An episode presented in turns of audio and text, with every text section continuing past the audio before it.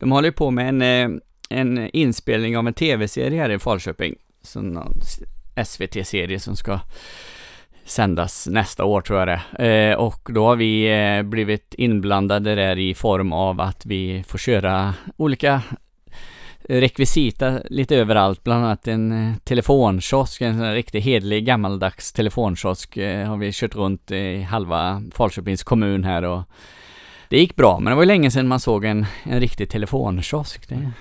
Ja, de plockade bort den där. Där ett tag har jag för mig att de extra knäckte som någon sorts eh, wifi-accesspunkten och sånt där.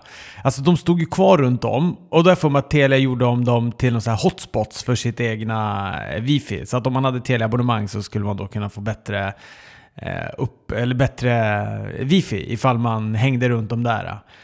Eller också bara rent av få wifi på stan till exempel. Nu för tiden känns det som att alla typ har så obegränsad surfmängd och sånt. Men där ett tag så sprang man omkring som en heroinist efter wifi, gratis wifi på stan. Ja, precis. Ja, det börjar ju bli eh, en, eh, ett problem som försvinner allt mer och mer.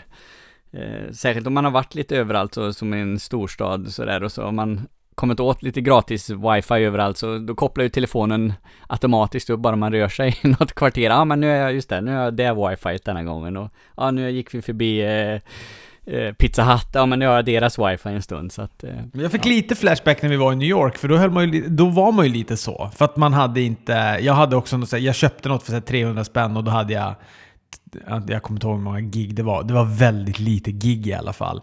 Och eh, jag tror att alltså, det var bara när vi stod i kön utanför WrestleMania jag tror jag att jag fyllde på den här tre gånger och drog av så 900 spänn eller någonting för att, för att den bara pling, din surfmängd är slut. Jag bara nej, redan?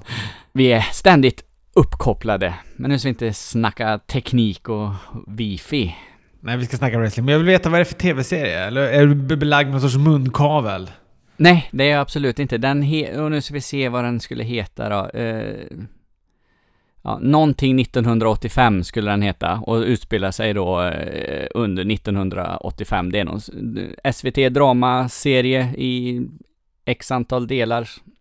Så, eh, och så spelar de in här då i Falköping fast staden heter inte Falköping utan den heter Braxinge så att de har ju liksom gjort massa skyltar och liksom satt upp överallt när de har filmat eh, och busshållplatser och ja du vet sådär så att det så det är liksom kulissen är Falköping men, eh, men eh, annars så är det inte så mycket som är.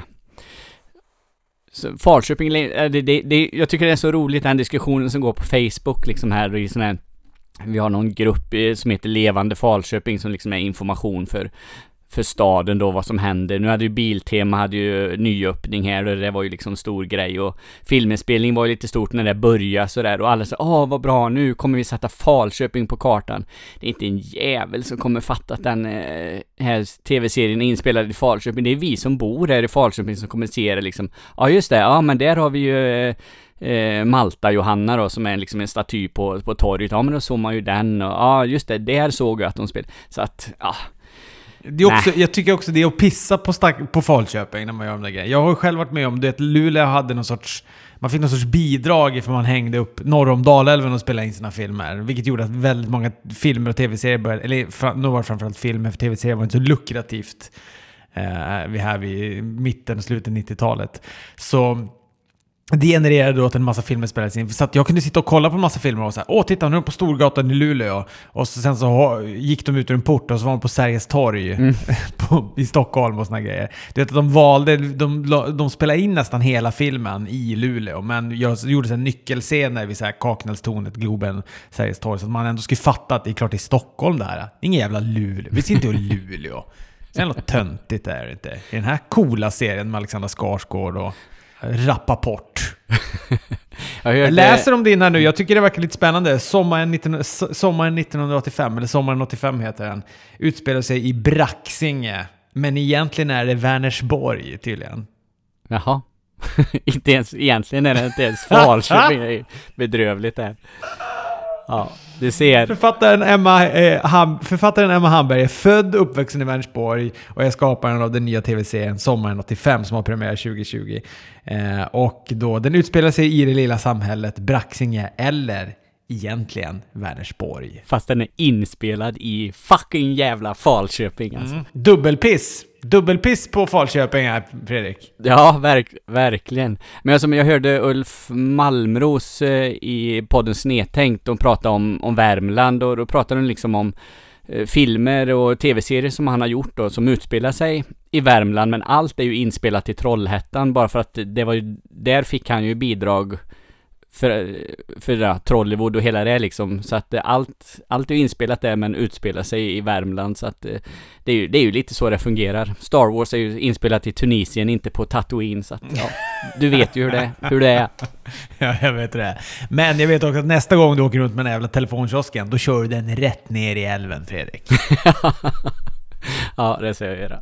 Vi, vi pratar på som om det inte finns någon wrestling att prata om. Det finns så, så jävla mycket wrestling att prata om. Så in i helsike också. Det, var, det har varit en wrestling-tät vecka med pay-per-views och Raw Smackdown och premiär för nya NXT och jag har hunnit se lite AAA från eh, New York också. Eh, jag har, inte, jag har inte ens funderat på att titta på New Japan Wrestling som eh, då har haft två stycken Destruction Eh, pay-per-views där. Eh, jag tror de också var förra helgen då. Men det, det har jag inte ens ägnat en tanke. Jag såg någon Eh, det var Johan Wanlo hade lagt ut en bild på Minoru Suzuki som hade dragit av eh, masken då på oh, Yushin Thunder Liger. Jag fick gåshud av bara den, av bara den bilden, eller det lilla klippet han hade lagt upp där. Han stod, när han bara står och ser så här ondskefull ut på topprepet med hans mask där och så är det bara fullt med funktionärer som täcker Yushin Thunder Liger där nere. Ja, där får man eh, få försöka ta och se lite utav det också när tid, tid hittas så att säga. Men eh, det sätter väl upp någon, eh, eh någon match för, på Wrestle Kingdom. Är det Minoru Suzuki som kommer pensionera Yushin Thunder Liger? Mm. För han skulle ju gå sin sista match där på Kingdom. Ja. Jag säger det också nu bara, jag har någon sorts jävla vinkelslip eller någonting hos någon granne här som står och fräser på och gör mig vansinnig. Men jag orkar inte gå och säga åt dem. Så att ifall ni hör något ljud i bakgrunden, ja då är det mitt fel. Ja, var ska vi börja då Robert? Vi ska börja med Clash of Champions. Det låter ju rimligt faktiskt eftersom det var i söndags då. För en, en vecka sedan. Får jag recitera dig Fredrik? Mm. Då har du alltså skrivit så här om den. Clash får tummen upp har inte sett rå än, men det blir nog ikväll. Det hoppas jag att du har gjort nu då. Men eh, ja, du gav den tummen upp. Den där skitgalan. ja, jag tyckte det var bra. Jävla haveri det var. Vad fan var det som var bra med den? Det var ingenting. Det var som att kolla på ett rå. Det var som att kolla på ett rå med lite längre matcher. Nej men, alltså fram till Kofi Kingston-matchen så tyckte jag att det var, eh, liksom, var bra. Eh, Kofi Kingston-matchen och Randy Orton tyckte jag var pisstråkig.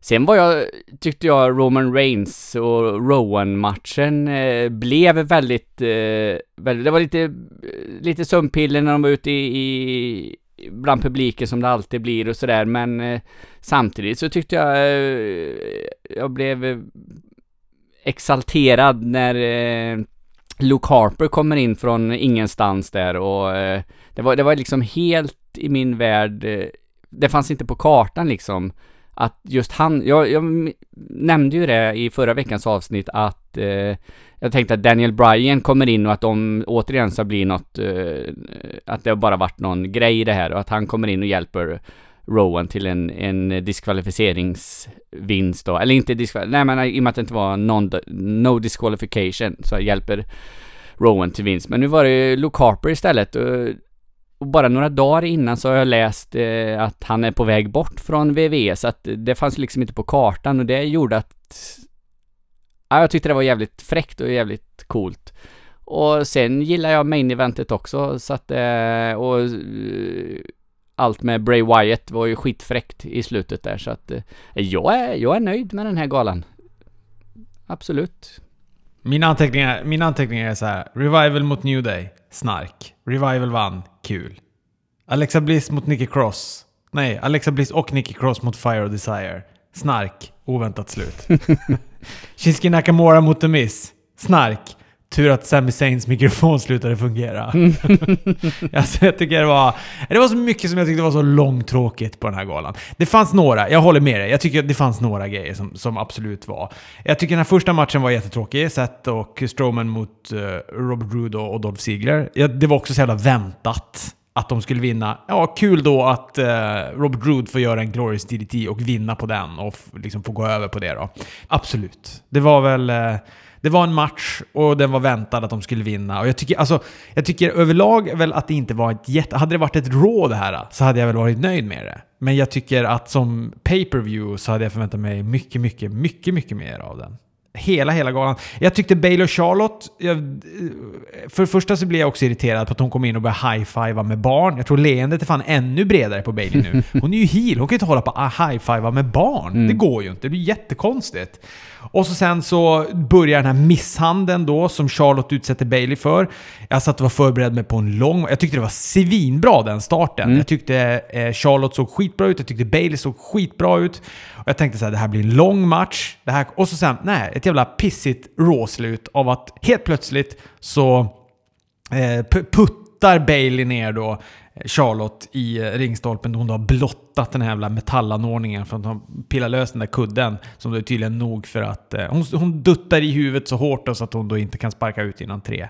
Vi, så, och det tycker jag också var skit. Det var skittråkigt att det inte blev någon match av det mm. där. Det började jättebra och blev skit. Ja, men det, där håller jag helt och fullt med dig. För jag, jag tyckte också att, eh, att den började svinbra och var spännande. Och så, det, det, var no, det var flertalet matcher som sluten var lite märkliga på.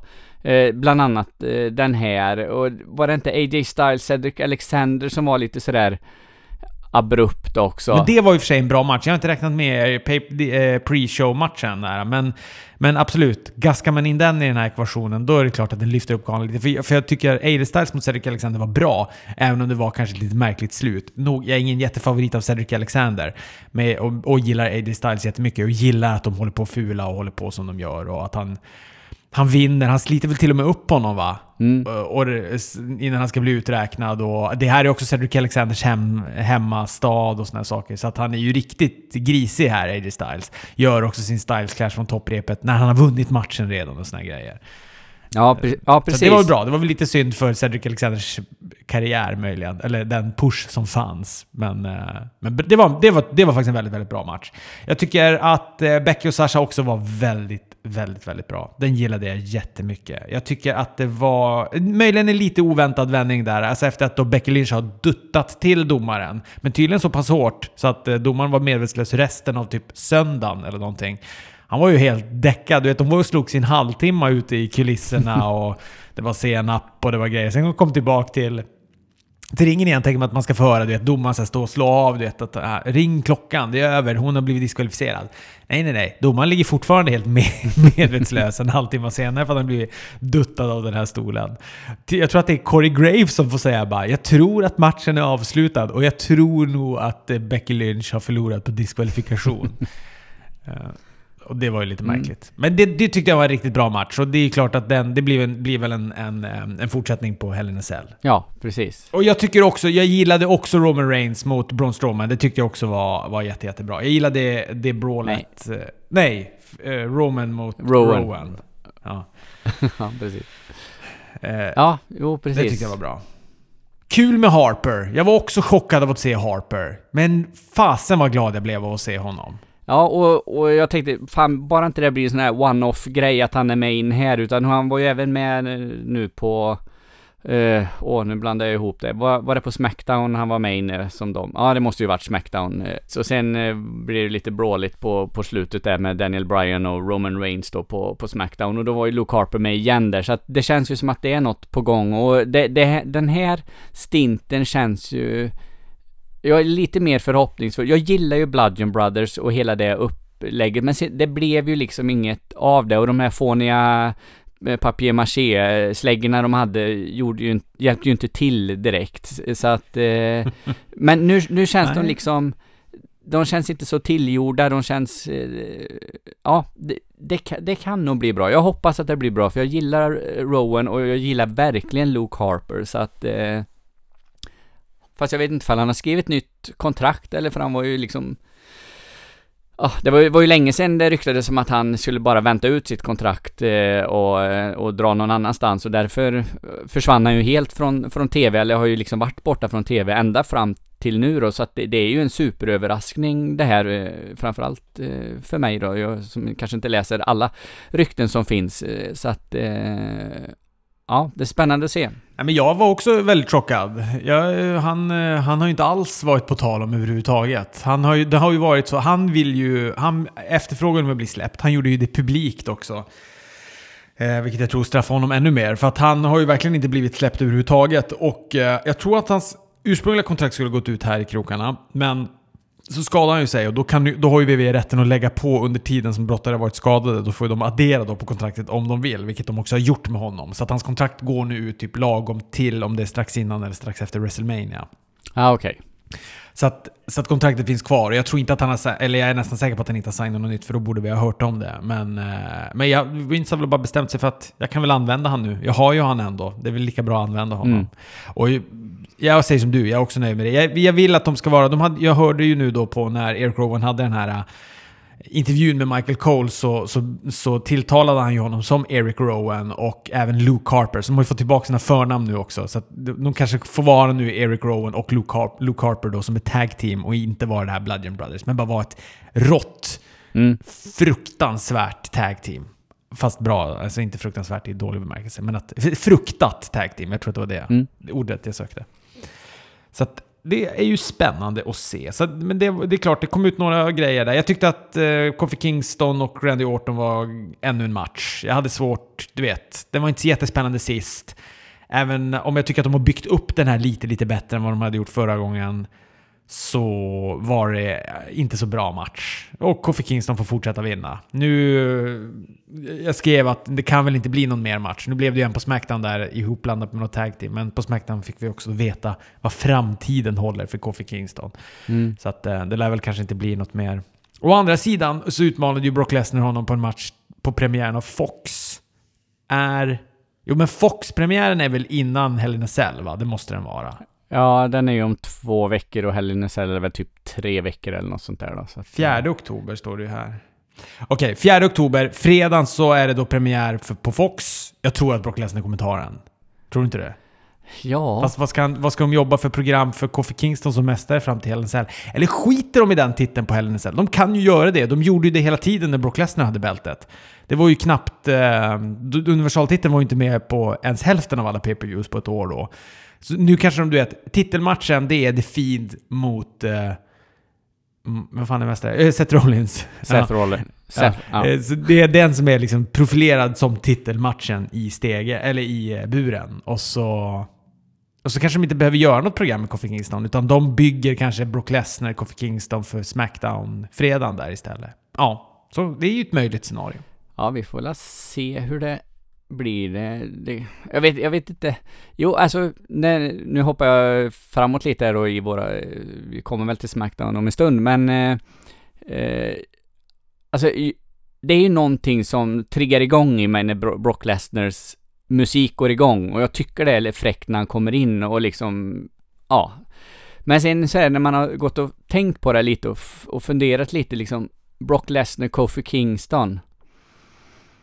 Ja, är det liksom ett dragplåster för premiären på, på Smackdown på Fox liksom? Är det liksom den matchen som kommer få eh, massa att titta på, på Smackdown eh, när den byter över till Fox? Jag är, jag är ändå tveksam till det och jag kanske inte är så peppad på den matchen egentligen som jag är precis i stunden när Brock Lesners musik går igång och liksom hela segmentet där, när man får smälta det lite så Ja, nej, det kanske hade varit bättre att det hade varit något, något annat istället. Jag tror ur, ur någon sorts synpunkt, för vi vet att de behöver ha tittare och vill flirta med dem, så tror jag att Brock Lesnar är ett bra namn. Jag, jag tror att Fox, Fox gillar nog tanken att Brock Lesnar ska ha en titelmatch också på deras kanal.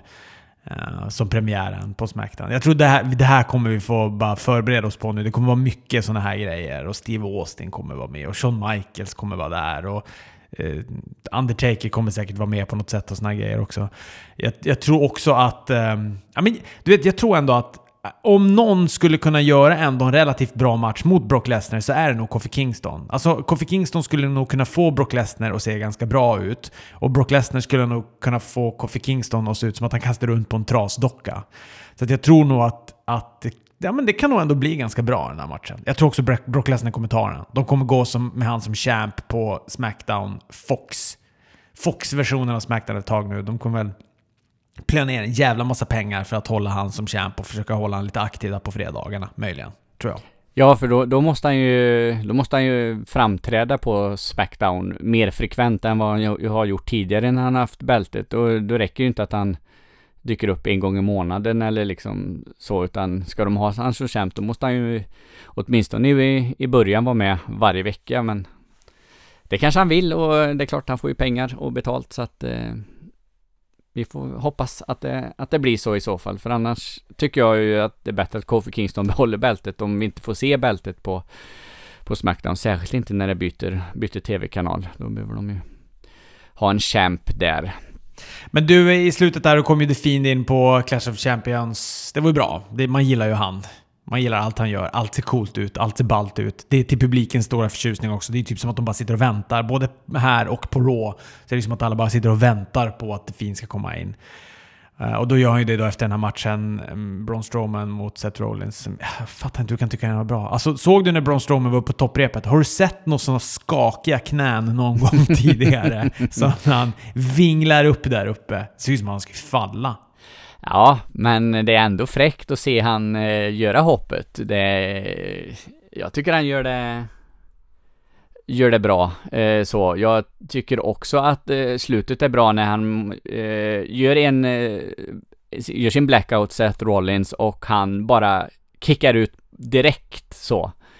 Och sen eh, får han göra både en andra, en tredje, en pedigree och en fjärde och sen är han ju släkt av Braun Strowman. Så att nej, jag, jag tyckte om det. Jag var jättenöjd när jag hade sett det. Så att har inget emot den, eh, den avslutningen och så plus då eh, The Fiend Bray Wyatt när, med hela det så eh, nej, jag, jag är nöjd. Raw däremot, det var jag väldigt nöjd med. Mm. Det tyckte jag var bra.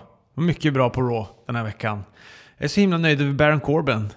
Ja! jag tycker han gör det så himla bra hela tiden. Det är också jättebra match. Han får jättegärna vara King, King Corbin.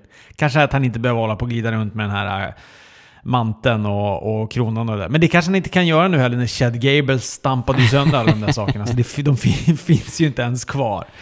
Precis. Så, ja. Nej, men jag tyckte det här var bra jag, eh, det enda som jag stör mig lite på, starten här med Seth Rollins, alltså det är något med hans promos. Alltså de är inte bra. Alltså de är inte, inte bra. Jag vet att du sa det förra veckan, så här, han är inte så bra på micken. Nej men här framstår han faktiskt som riktigt jävla usel på micken. Och så att man känner så här, prata inte. Ja men det är hans, när han bara, och en sak ni kanske inte visste om Braun Strowman, det är att han är stor.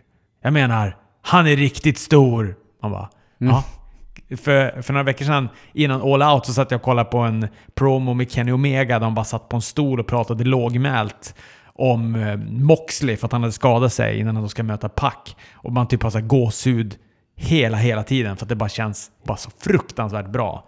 Mm. Klipp tillbaka till, eh, till Seth Rollins. Han är stor. Han är riktigt stor. Nej, fy fan vad tråkigt. Ja, nej jag håller med. Han eh, är inte bra Seth Rollins alltså på detta så att eh, Men eh, det, det kombinerat då med, med återigen Bray Wyatt och eh, Firefly och vad heter det? Fun, Funhouse? Ja, ah, skitsamma. Hans barnprogram. Eh, kombinerat då att det återkommer flera gånger under kvällen i olika segment gör ju att det ändå blir ett bra uppbygge till eh, till den här matchen som vi kommer få se på Hell in Cell. Så att, eh, men, men det är ju som sagt, det är ju Bray Wyatt som står för, eh, för alltihopa egentligen där. Så att, eh. Jag, ty jag, tycker också det var snyggt med de här, eh, när de hade grafiken upp och ner eh, under, efter Bray Wyatt. Alltså det här psykedeliska mm. med Bray Wyatt. Och att de som heller, Först hade jag också tänkt så här, vänta, fattar de inte att grafiken är upp och ner eller? För de nämnde, kommentatorerna fortsatte som om ingenting. Men det tyckte jag också var bra. Det var typ Renee som i slutet som sa typ så här, vänta nu, har det varit upp och ner hela tiden? Det är som att hon då så kollade på sin monitor och, och såg att så här, grafiken är fan felvänd. Och att de lämnar det som om att det är så här, inte att den börjar glitcha eller någon sån här grej, utan den bara är upp och ner. Det gör att man så här, för man, man tänk, tänker ju som att men det är på riktigt, nu klåpar de sig. Det, det, de, du vet, det blir autentiskt på något sätt. De hade ju också i slutet, jag satt och kollade på sista timmen efter jag kom hem från jobbet. Och eh, du vet, bara satt så här försjunken och kunde liksom inte stänga av Raw när den här Firefly introt, det här glada barnprogramsintrot då, som, som var i slutet, som bara fortsatte i en orimligt lång tid. Men också i så här tappade i tempo. Så kom den tillbaka i vanligt tempo och så började den glitcha så här grejer. Jag satt som en zombie och började så här dregla genom mungipan samtidigt som jag tittade på det där. Det var jätteeffektfullt tycker jag. Ja, verkligen. Och man liksom sitter ju och väntar på att kommer det något mer? Men det kommer ju aldrig något mer liksom. Men ändå så, nej, det, det var det bra. Eh, Jätte, jättebra tycker jag att det var. Ehm, ja, vad har vi mer för eh, goda grejer på, på Raw? Jag säger som du, jag tyckte också att det var ett, ett bra Raw och uh, Ja, men det var kul att få se Viking Raiders tycker jag med lite bättre motstånd här. Mm. Att de får göra då Viking Raiders och Cedric Alexander mot DOC. Men det är lite så här, nu är de face igen, Viking Raiders. Var inte de heel nyss? Eller är det jag som har blandat ihop dem med några andra, jo, andra Raiders? Det, det var inte alls länge sedan, så det, det var jätte... Uh, jag, jag var jätteförvirrad förra veckan när vi spelade in, för jag... Uh, då var jag liksom sådär, men vänta nu. Vilka var det de kom in och hjälpte? Ja, just det ja ja, de är face, men det är inte alls länge sedan som, precis som du säger, som de var heels. Men nu är det väl face-sidan som de är på då, så att, eh, och eh, alltså War Raiders mot eh, Good Brothers, eller The OC då, det, det är ju liksom en fade man kan man kan se framöver. Så att de kommer ju säkert göra skitbra matcher. Jag tyckte denna var, var bra också med Cedric Alexander här. Så att, eh... Ja, gud ja. Den var jättebra. Såg du Ivor också när han gör sin centumbomb från topprepet ner på... Oh. Och folk ska ta emot honom? Ingen. det är som att alla bara “No way”. Ain't gonna happen. Jag tar ett steg åt sidan. Han var rätt i backen alltså. Fy fan. Ja, ja, det är elakt är det. det. Det är riktigt jävla elakt att inte ta emot någon när de har bestämt att de ska göra sådär. Och de ändå ställde ju upp ganska fint hela gänget där och liksom väntar på honom men... Nej, vi, vi skiter i det. Nej, fy fan. Boom. Ja, Eh, precis. Nej men den var bra. Eh, jag gillar även eh, R-Truth-delen eh, med 24-7-titeln och att Kane får vara med inne då, eller Glenn Jacobs, borgmästaren som han är här nu då, och eh, får ta titeln och Truth vinner tillbaks den på slutet.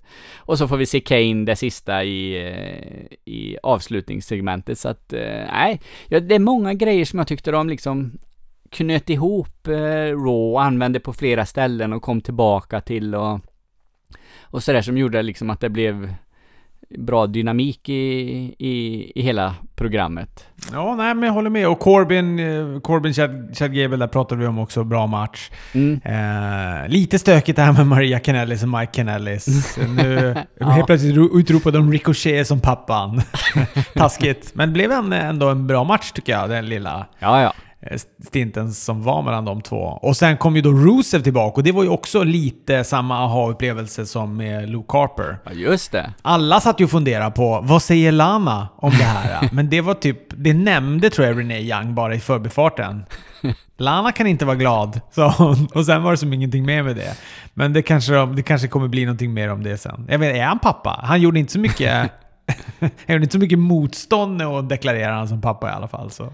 Ja, nej men det var ju, det var också lite överraskande givetvis. Så eh, jag har sett någon bild på hans nya look förut på Instagram eller Facebook eller något sånt där. Så att eh, den var ju inte, den blir man ju inte, överras blir inte överraskad över så, men det var ju en, det var ju en ny Rusev vi fick se. Han såg ganska så, alltså ganska vältränad ut också. Han har ju varit lite sådär plufsig innan, även fast han liksom är tränad så, men nu såg han mer slimmad ut den käre Rusev.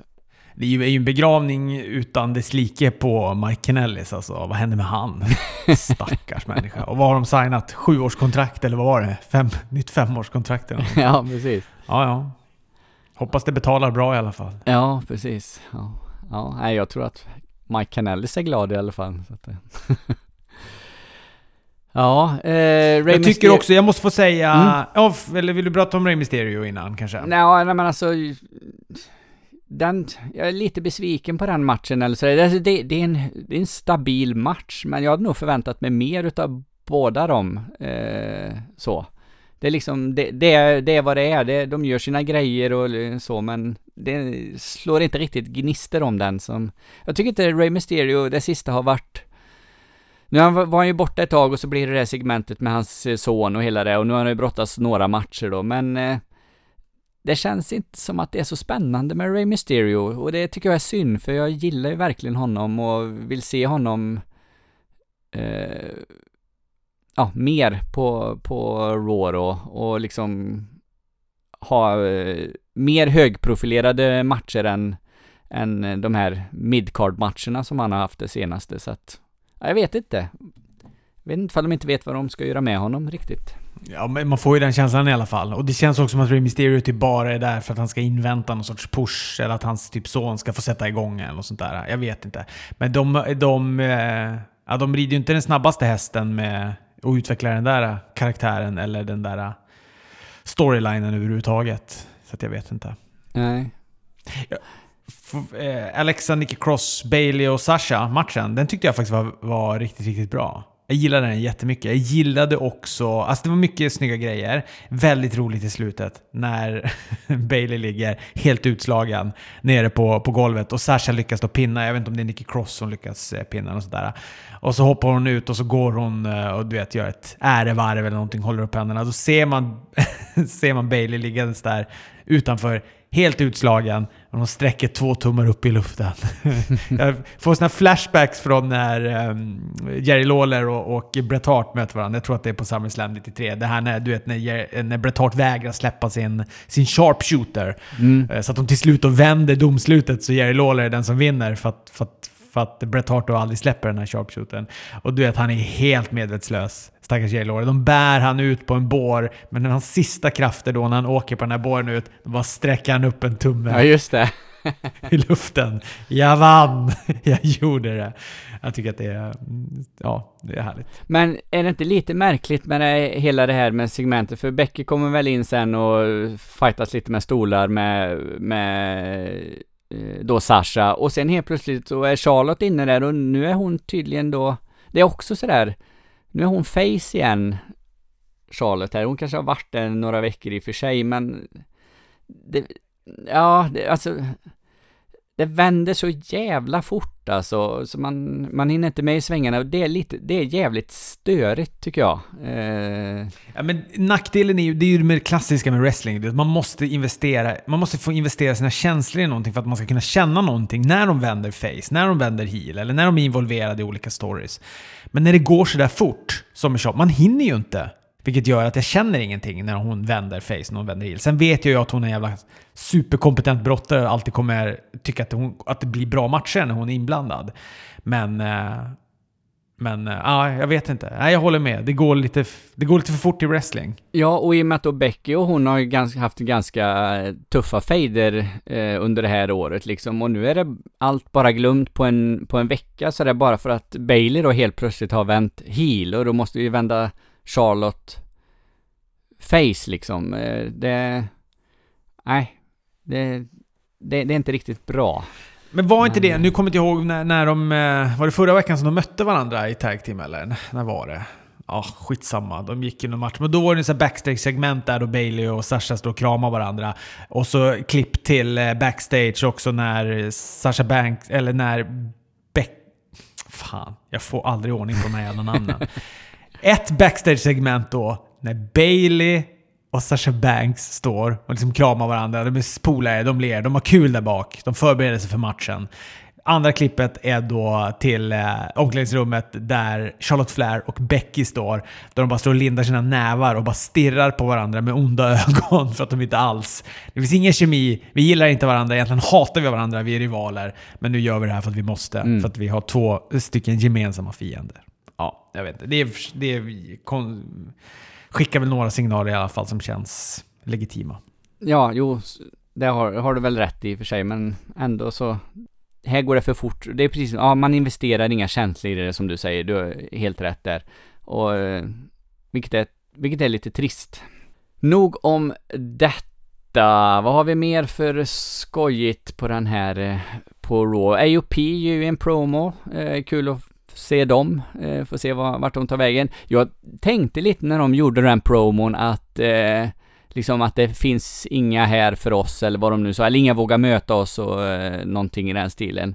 Då tänkte jag att, eh, ja men nu drar vi till NXT, tänkte jag först. Men så blev det ju inte i deras promo, utan de ska ju vara kvar på main roster. Men jag hade nog inte blivit jätteledsen om de hade valt NXT lite och att eh, de hade använt AOP för att kanske hypa, hypa det lite då. Ja, eller bara styra upp tag team-divisionen på main rosten. Jag menar, du har Viking Raiders, du har Good Brothers, du har Luke Harper, du har Eric Rowan där nu också, och så har du då AOP. Det finns ju liksom bra virke att jobba med så in i ja, bomben ja. där. Så att det, där kan de ju ändå styra upp. Men vi får hoppas att de använder dem bara. Det är väl det som är. Att det inte bara blir de här... Alltså att det blir som Alistair Black. Var, var är Alistair Black någonstans? Ja, det, där hade jag också en för, förhoppning liksom att han kanske dyker upp på NXT här nu då.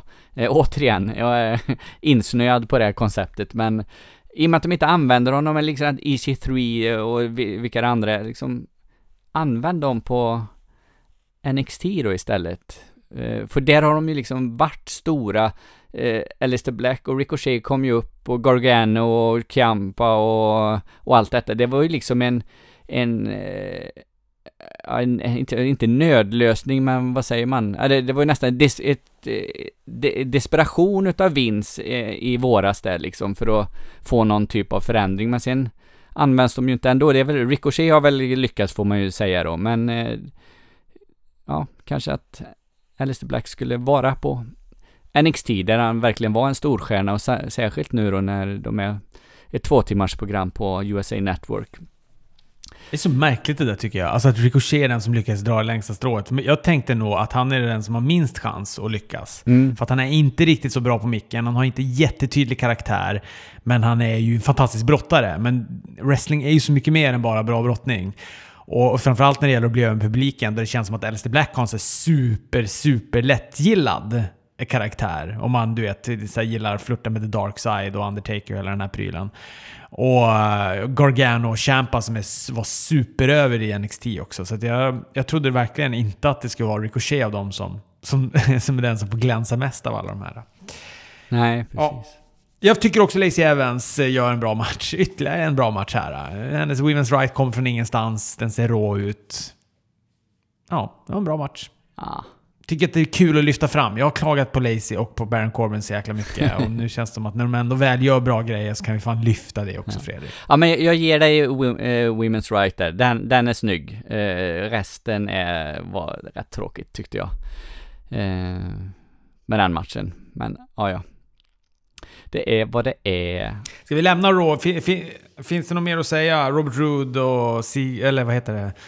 Seth Rollins, det var väl inte heller någon superhöjdare. Det var inte dåligt, men det var ingen superhöjdare. Det var en passage till Brave Wyatt också. Ja, men hela, eh, man får se det som ett helt eh, avslutningssegment där med Kane kommer in och Bray Wyatt som har, vilket jag också tyckte var snyggt. Han hade ju de här tavlorna, du vet, på, eh, på sitt funhouse där med, det är Mick Foley som är överkryssad och det är några till.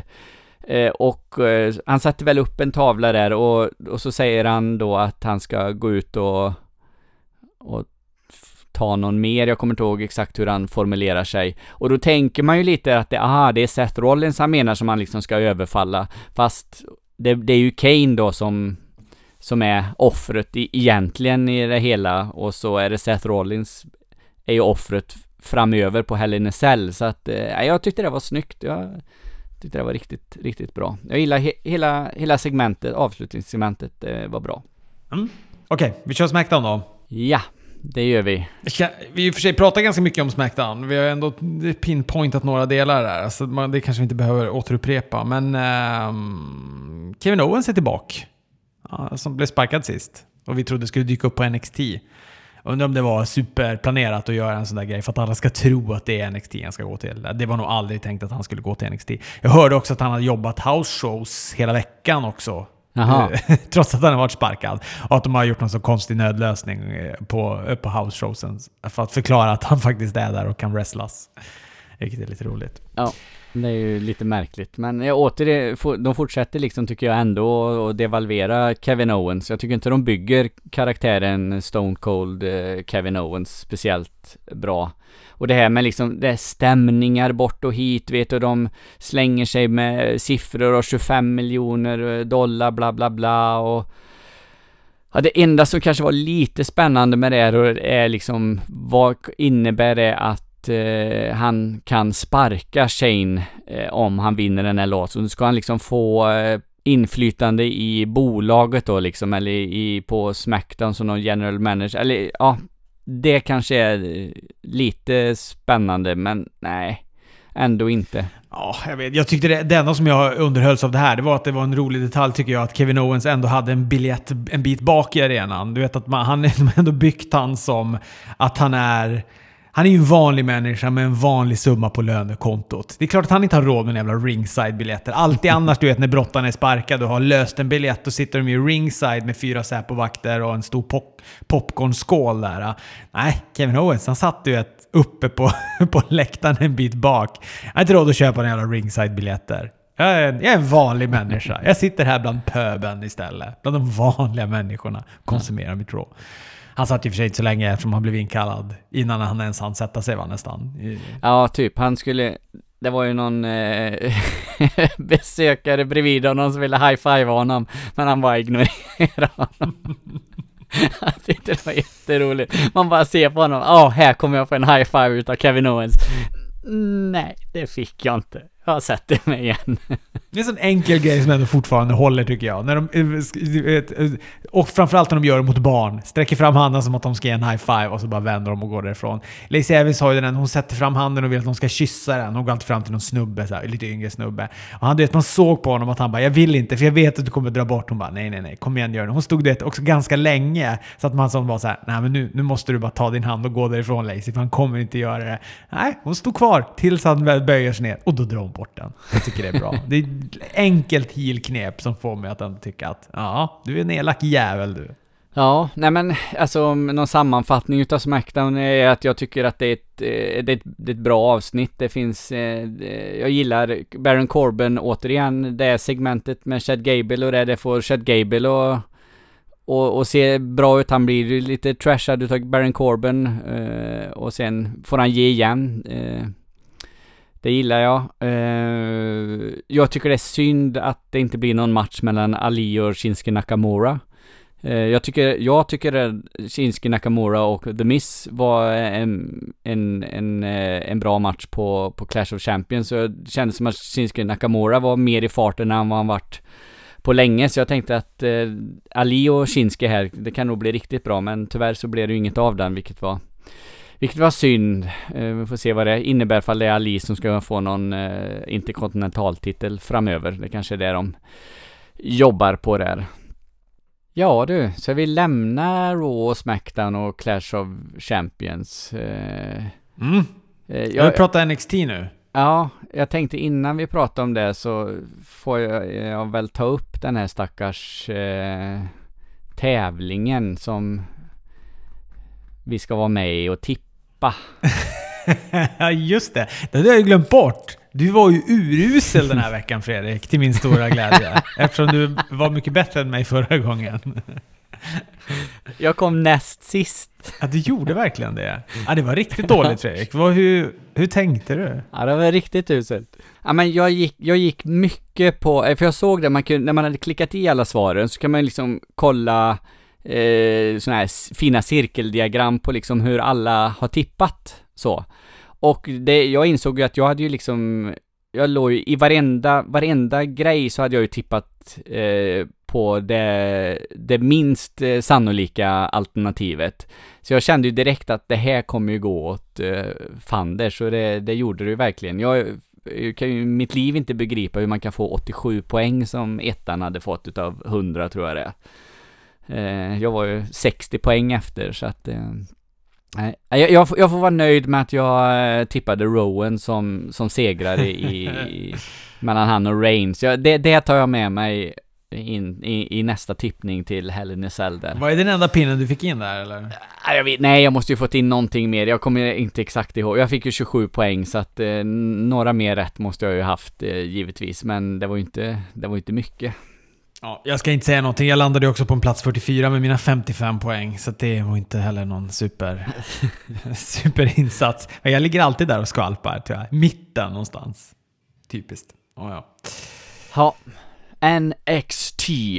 Ja, som var väldigt speciellt den här veckan eftersom det var ett, ett NXT då som har premiär på USA Network. Och om det nu råder någon förvirring från förra avsnittet om vad det är som gäller med NXT så är det ju då så att för två första veckorna så kommer det vara på det här sättet som det var idag och som vi pratade om förra veckans podd. Alltså att första timmen går live på, en, på USA Network och nästa timma får man då ta sig över till WWE Network då för att, eh, för att kolla på. Det var Fredrik Lindström som eh, uppdaterade mig på det här eh, precis när vi hade tryckt på släppa det nya avsnittet-knappen förra veckan. Um, det var en detalj jag hade missat. Och det var också skönt att det bara var en detalj som kommer vara i två veckor. För att det där är ju väldigt stökigt att hålla på sådär. Mm.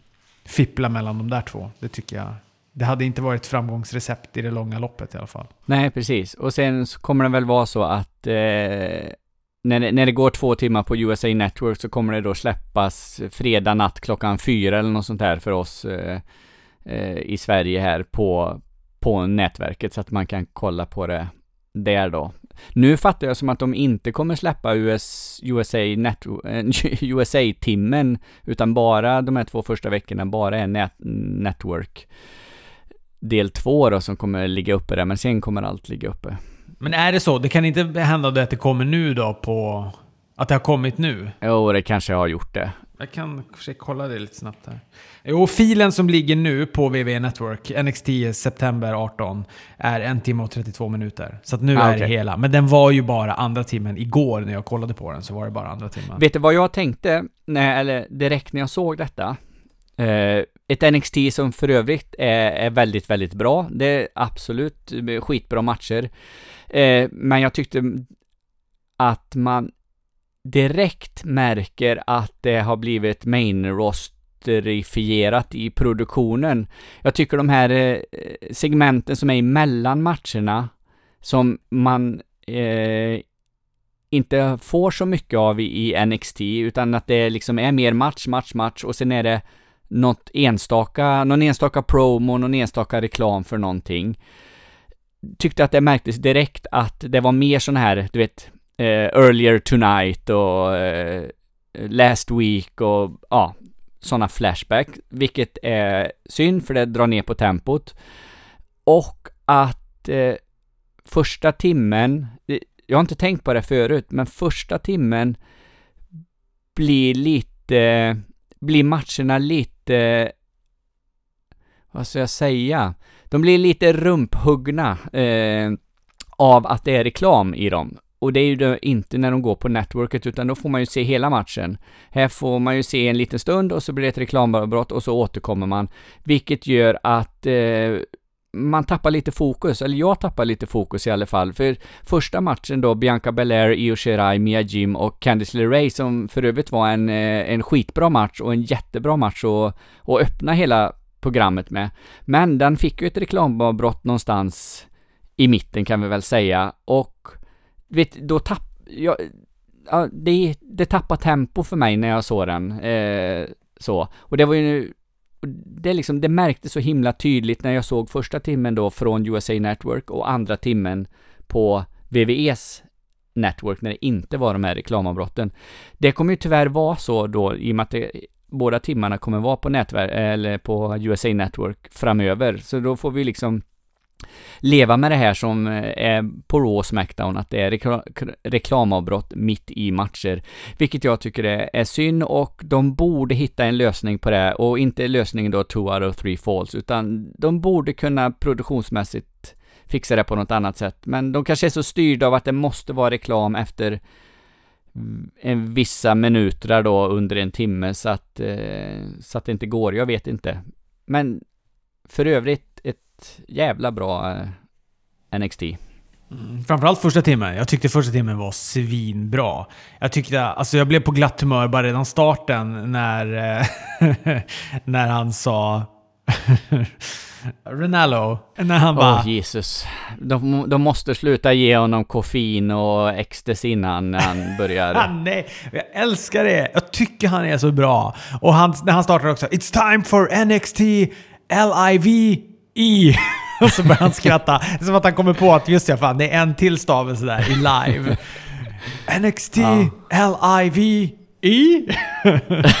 ja, redan där blev jag på glatt humör och kände nu kommer det här. Nu är det bara att åka med. Nej, men jag tyckte det var svinbra. Första matchen som du sa, alltså Mia Jim, Bianca Belair, Io Shirai och Candice LeRae. Jag tyckte det var svinbra match. Jag, eh, det enda jag känner att det bör, nu börjar det gå lite inflation i eh, Panama Sunrise, eller Can Canadian Destroyer, eller vad nu heter. Alltså varenda jävla match är de ju i. De mm. finns överallt och hela tiden. Det där är det nya favoritgreppet. Du, du ser dem hela tiden i AEW, man ser dem ganska ofta i New Japan Pro Wrestling, jag ser dem hela tiden i NXT, och man börjar se dem också nu då i WWE också. Ja, lite mycket. Jag slutar bli den här riktiga aha-effekten när jag ser den. Mm. Jag blev jävligt peppad när jag såg Spanska flugan där senare dock i, i var det Leo Rush som gjorde Spanska flugan? Ja, just det. Riktigt snyggt. Springandes. Ja, fasen vad snyggt det var. Nej, det var riktigt bra. Men, nej, men den här matchen är jätte, jättebra. Jag tycker också att det är bra att Candice LeRae vann. Hon kan kanske få ta titeln av eh, Shayna Baszler där nu. Eh, på den 2 oktober. Och så får vi se. Sen för att då också få förloraren till Io Shirai, eftersom Io Shirai är den som är den absolut bästa nu alltså. Jäklar vad hon är bra. Men det är lite spännande vart de ska pressa in Rhea Ripley i hela det här eh, köret, i och med att de... Eh, Rhea och... Eh, och Shayna Baszler då hade den där super... Eh, standoffen för några veckor sedan, så att... Eh... Men vi får också inte glömma att det kommer vara en draft här snart. Mm mycket kan ju hända då med allting, tänker jag. Och det behöver absolut komma upp lite brudar till eh, Raw, till Smackdown. Ja, definitivt. För det börjar bli tjötigt att se eh, Charlotte, Sasha, Becky och, och Bailey liksom. Det är ju bara de de använder sig av. Eh, mixar de ju upp det lite med Carmella då, men ja, jag vet inte. Ja, nej men precis. Vi, vi får väl se. Men jag blir lite förvånad över att Candice LeRae vann. Äh, jag hade liksom inte... Äh, det gör mig absolut ingenting, men eh, jag trodde kanske att eh, Bianca eller Io Shirai skulle, skulle... Fast å andra sidan, Io Shirai, det, den är väl överspelad den eh, fejden. Och den vill man kanske inte se en ytterligare en match av givetvis. Så att, eh, nej, Nej men och framförallt inte nu när den parningen är så dålig eftersom båda är superheels. Alltså Ishirai är ju jätteheel och Basler är ju jättejätteheel också.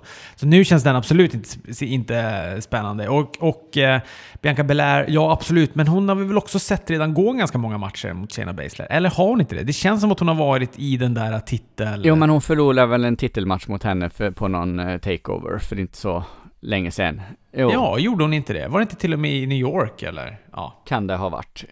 Så att eh, jag tycker Candice LeRae, det, är, blir, det, blir, det blir lite nytt blod i den. Och jag tycker hon är bra. Alltså hennes senaste match mot Io Shirai där eh, var svinbra tycker jag. Ja, precis. Nej men det är eh, bra start. Match nummer två var inte mycket att säga om. Det var bara en en double stomp och sen var den över. Någon Cameron Grimes som har varit med i den här breakout turneringen. Jag tycker han ser rätt cool ut sådär så att eh, spännande att se vad, vad, vad som händer med honom. Men sen hade vi en riktig jävla dundermatch som avslutning då på eh, på första timmen. Dream mot Roderick Strong. Ja herregud vad bra det var. Mm. Riktigt, riktigt bra. Jag älskar Velvet in Dream. Han är så bra. Alltså, han kanske inte är så här... Brottningsmässigt, vissa grejer kanske han eh, brister lite stundtals. Roderick Strong är ju en sån jävla wrestler också. Det märker man ju i den här matchen. Men eh, Velvet in Dreams karaktär, alltså han är som en... Här är han ju också i sitt esse när det gäller den här Rick Rude Goldustifieringen som han har på sin karaktär. Mm. Han är som en perfekt blandning av Rick Rude Goldust och Dalton Castle, typ i karaktären. Ja, den är riktigt, riktigt bra.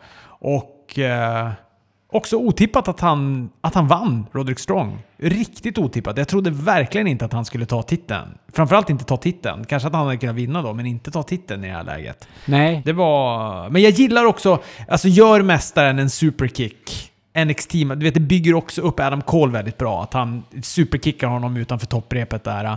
Och eh, då är det klart att då ska han gå ner för räkning. Och så gör han det också. Och att Undisputed Era får allt guld nu. Nu, nu har de allt, alla bälten i sitt våld. Mm. Det gör, gör, också väldigt mycket för det stallet. Ja, absolut. Det, det, jag gillar, gillar den idén, men det jag tänkte när, när matchen pågick där och när uh, Undisputed Era kom in, då tänkte jag att vinner inte Roderick Strong det här, då kommer de kicka ut honom från Undisputed Era. Jag tänkte att det kunde blivit någon sån eh, variant på det, liksom att att eh, vi andra har liksom fixat guldet, du lyckades inte med din uppgift här, nu You are out. Men så, så blev det ju definitivt inte, utan han, han tog, tog bältet och nu har vi ett riktigt jävla eh, stall i NXT där. Eh, det är också lite spännande, nu har vi Undisputed Era som ett stall där då, sen får vi ju se ett annat stall som egentligen då huserar i NXT UK. Nu är väl de också lite heliga då kan man ju säga, Imperium.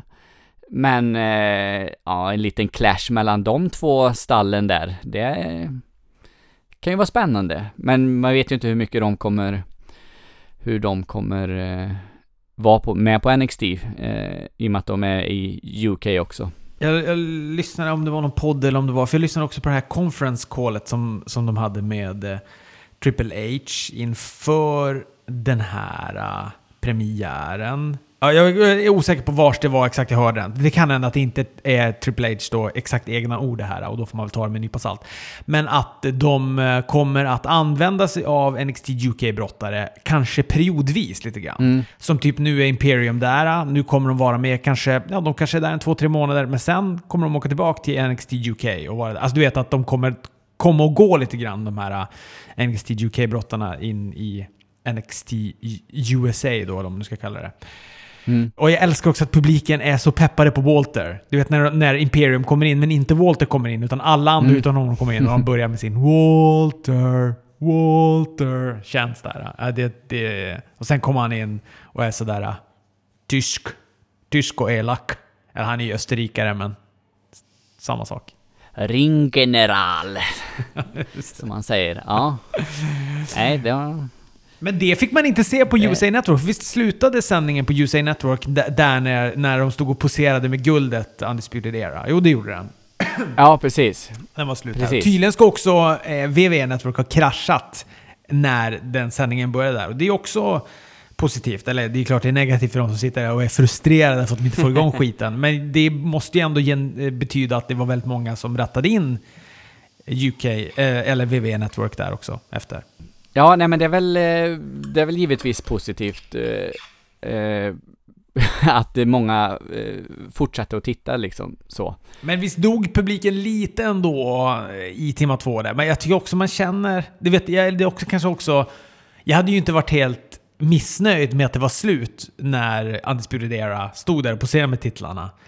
Det var det är en ganska bra längd alltså, en timma. Det man är också lite van att NXT och den där estetiken, då är det en timma. Det var som när jag slog, jag satte igång sen på VV Network så började jag känna lite såhär, nu börjar det bli, ha varit lite långt ändå. Men det, och då var det ändå bara en halvtimme till eller något sånt där. Eller om ens det, 40 minuter eller någonting. Nej, 50 minuter var det på Network och 40 minuter var USA-delen.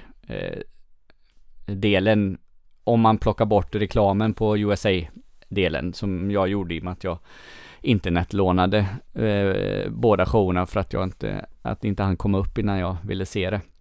För att jag skulle hinna med och få med det till podden. Så att eh, första delen var bara... Jag hör bara ursäkter. Jag hör bara ursäkter Fredrik. ja, okej okay då. Eh, nej men alltså, nej jag hade nog inte något emot att det var eh, då 1.32 eller vad vi, vad vi nu kommer upp i. Eh, jag var nöjd med andra delen också. Eh, Piddan, Arturo eh, Hoas, eh, en helt okej okay match. Eh, han är inte jättespännande, brasilianaren, eh, som brottningskaraktär. Pete Dunne är ju magiskt bra tycker jag, men de gör en habil match. Sen även eh, Sayalio och Alia, det var ju heller inte mycket till match, två minuter. Däremot tycker jag att hon är väldigt cool, eh, eh, eh Sayali. Eh, och gör lite fräcka grejer i ringen så att eh, henne hoppas jag mycket på. Och sen får vi ju det här eh, Walter eh, Imperium segmentet då efter det och Kushida kommer in och utmanar då Walter, vilket är fräckt. Ja visst, det kommer bli riktigt, riktigt grymt. Eh, den matchen. Det kommer bli bra. Det är ju två jävligt olika brottare, men jag tror det kommer bli väldigt bra. Ja, jag hoppas det. Eh, ja, det är absolut, det är som du säger, det är två helt skilda stilar. Men å andra sidan, eh, Tyler Bates och Walter är väl inte jättelika i sina stilar heller och de gick ju en fantastisk match på uh, Takeover. De är väl mer lika än kanske Kushida och, och Walter är, men ändå så skiljer det väl en del så att uh, nej, jag hoppas på att det blir en riktigt bra match. Och sen var ju då Leo Rush plötsligt tillbaka. Det var ju ändå kul tycker jag. Mm. Men de gick en number one contender-match om en cruiserweight-titel som jag inte visste existerade på NXT. Men är det 205-titeln de menar då, eller? Ja, det, ja, det, ja, men det är det ju. Det är 205-bältet eh, då som Drew Gulak har. Det är ju det som de eh, gick en match om. Eh, och det, det, här är ju frågan då, vi pratade ju lite om det eh, sist, om Tour 5 ska läggas ner och de brottarna ska liksom då inkorporeras i, i NXT eller hur det blir och jag tycker nog så här att att om Tour 5 Live ska vara kvar då vill jag inte se någon cruiserweight eh, tjosan på, på NXT. Utan då får de nog separera dem. Då tycker jag nog hellre att de eh, lägger ner 205 live och sen gör något eh, av det på, på NXT istället. Så att det liksom inte blir eh, hoppar bort och fram i något eh, wildcard eh, tjosan här eller vad vi nu ska kalla det. Sen har jag absolut inget emot att se de här eh, Drew Gulak och eh, Tony Nese och eh, ja, Leo Rush och Oni Lorcan och alla på NXT. Det är absolut inte. Eh, men då vill jag nog, då vill jag nog helst att Tour 5 Live försvinner. Det var ju en svinbra match det här. Det var en jätte, jättebra match. Leo Rush gjorde också ett väldigt spännande move när han gjorde den här eh, Eh, springboardstannen från nedersta topprepet. Såg du den? Han som kom glidandes och tog sats med rumpan på topp, nedersta topprepet och gjorde en stanner då på lorken. Det var riktigt snyggt. Och så den där spanska flugan var också tight. Ja, det är så jävla snyggt när de liksom springer och gör den mitt i ringen. Det, det är så jädra effektfullt. Det är liksom snyggt när de står uppe på topprepet, men det är ju mer så att de liksom gör sig redo och så gör vi den. Och det man fattar, det är högt och sådär, så att de har ju mer tid och sådär. Men här blir det... Ja, det blir effekt på den. Jävligt snygg. Riktigt snygg. Och så avslutar han med en av de högsta frogsplashen som finns också. Det är, är han bra, bra tryck i den frågan. Kan man säga. Och Leo Rush, ja precis, Leo Rush vinner där då. Och sen har vi en eh, avslutning eh, som är en streetfight mellan Matt Riddle och Killian Dane. Eh, det blir inte så mycket match utav det, utan det blir ett jävla brawl istället. Och jag tycker det är en skön avslutning på hela... Det är ju lite det jag sa sist, att eh, jag vill ha det här lite, lite röriga, lite skitiga, lite, lite kaoset som, som jag saknar på Raw Smackdown. Det fick man ju verkligen här, så att eh, jag gillar avslutningen. Mm. Ja, men de sätter ju an en liten to speciell ton också när de gör de här grejerna. Det är ju också, tycker jag, spännande att det här ändå fick vara väldigt nxt -igt. Alltså det var ju, det här var ju som om det skulle kunna det är som du säger, det är lite mer videopaket.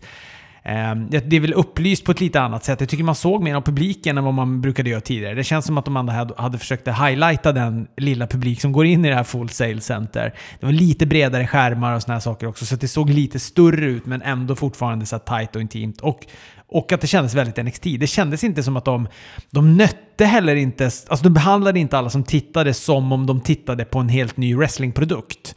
Du vet, alltså, du vet att de hela tiden ska hålla på och presentera en massa brottare som man ska fatta och sätta sig in i sammanhang och sådana saker. Utan äh, det var som bara så här, ja men det här är NXT, det har pågått ett tag. Det är bara titta ikapp ifall du är intresserad. För så här kommer det vara. Och det gillade jag.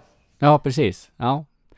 Nej, det är bra. Det är bara att hoppas att det får, eh, får fortsätta vara så och hoppas att eh, tittarna kommer till USA Network så att, eh, så att de inte börjar eh, då flytta brottare hit och dit och ta ner då eh, Roman Reigns och alla vad vi, alla som vi nu är rädda för ska komma till NXT bara för att liksom jaga tittarsiffror utan nej, hoppas verkligen att det får vara sitt, får vara sitt eget. Allt kommer ju lite också bero på hur det går med, med AW. Det är ju lite det. Det kommer ju vara spännande veckor från 2 oktober och framåt. Ja, precis. Så, så är det ju. Fast sen, tro, sen tror jag ändå liksom AW och NXT, de är ju ganska...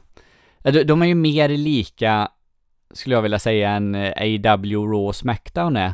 Så att jag, jag kan ju tänka mig liksom att att, eh, så, så, som, om jag utgår från mig själv då liksom, så skulle jag ju liksom tittat, om jag nu hade bott i USA, då skulle jag liksom tittat på det ena live och sett på det andra på något annat sätt då, på, en, på networket och på VVS network eller vad det är. Så att, jag vet, jag, vet inte egentligen fall, ja, nej men alltså, fall de kommer dra så mycket tittare från varandra i, i slutändan, men eh. Ja, fast något av dem kommer ju inte ha tittarna. Alltså eh, om de då väljer att se på AW live, då kommer ju NXT vara de som inte har tittarna. Och då kommer Vince få panik. Och kommer mörsa in grejer. De kommer inte kunna... Vince kommer ju aldrig vila i att säga ja ja, men de väljer att kolla på AW, men andrahandstittandet är ju jättestort hos oss. Ja, ja, det kan det ju absolut vara, men det kommer jag skita i. Det finns ju inget värde i det. Då kan de ju lika gärna bara sända på Network. Då behöver de inte ens vara på USA Network överhuvudtaget. Sant. Det har du ju helt, helt rätt i. Ville du säga något om trippel A, eller ska vi runda av eller? Ja, men jag kan väl bara säga lite snabbt om trippel A, att det lilla jag har sett, jag har sett några tre, fyra matcher och det, det var riktigt, riktigt bra. Eh, den sista matchen jag såg nu innan vi eh, började podda här var Taya Valkyrie mot eh, då Tesha Blanchard om eh, Reina del, no, Reina del Reyes eh, alltså damtitelbältet i, i AAA. Eh, de gör en riktigt, riktigt bra och stiff match. Eh, lite kort tyckte jag den blev. Det, det blev lite abrupt slut på den. Jag hade velat se lite mer, men eh, nej, riktigt bra match. Och nästa match då är som jag... Men vem vann av dem? Eh, det vann då eh, Taya Valkyrie. Vann. Hon tog, eh, bält, hon tog bältet från eh, Tessa. Jaha. Eh, som tog det nu på någon gala, förra galan tror jag hon vann bältet i någon, eh, i, i, en match där. Så att eh, nu är Taja, och, och det verkar alltså, Taja och Tessa verkar vara riktigt eh, stora stjärnor i, i trippel A där, så att de, de kör stenhårt på dem. Eh, och Tessa framförallt tycker jag är skitbra, så att eh, ja. Henne skulle man vilja se i något annat, eh, annat förbund eh, då, AW eller NXT eller något i den stilen. Verkligen. Eh, nästa match är ju spännande. Det är Lucha Bros mot LAX här, så att den, den, kan nog bli bra. Det, den får jag ta i ikväll och titta på. Men eh, jag, jag, tycker det är värt att... Och... du, vänta, du har hunnit se en match? Du... Nej, fyra! du har hunnit se en match eller? Nej, fyra matcher Jaha, okej, okay, du har sett fyra. ja. Okay.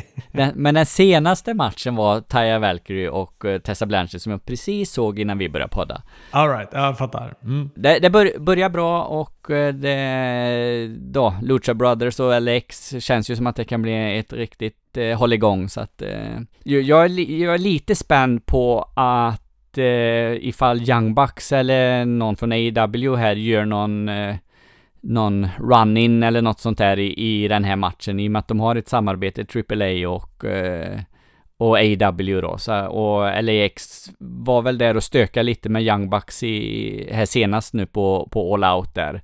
Så att eh, får se eh, fall, eh, fall det blir så att de gör någon, någon grej av det hela. Så att, eh, ja, det kan jag berätta nästa vecka om det var så eller mm. inte. En härlig följetong. Du kan se en match i taget, så kan vi hålla på i 6-7 veckor och prata om AAA-galan.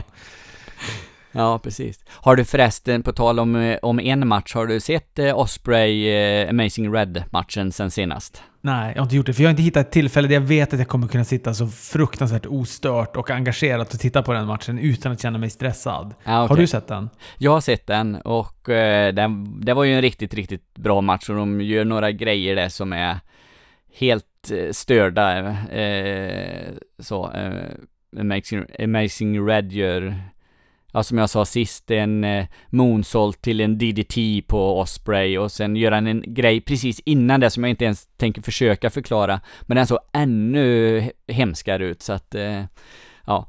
Eh, nej, riktigt bra match. Den kanske, det kanske ibland blir lite så när det är någon sån här match som blir superhypad och så tittar man på den och så förväntar man sig liksom lite för mycket av den. Eh, det nästan, hade, hade jag sett den utan någon hype så hade jag nog tyckt att den var ännu, ännu bättre. Men en skitbra match ändå, givetvis. Så det är inget snack om saken.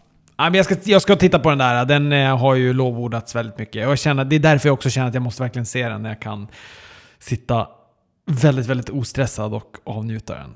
Ibland kan det också vara lite kul att ha såna grejer framför sig. Ja, precis. Absolut. Och wrestling tycker jag man alltid har framför sig. Någon typ av wrestling finns det alltid och, och slänga ett getöga på. Jag såg MLW hade någon sån här War Chamber match. Det måste jag ta och kolla upp eh, vad det var. Som någon hade postat. Eh, det låter spännande, men det är väl typ någon, ja, typ sån här War Games eller Hell in a Cell eller ja, du vet. Men det lät, lät coolt i alla fall. Ja du Robert, ska vi avsluta det här spektaklet? Tack gärna.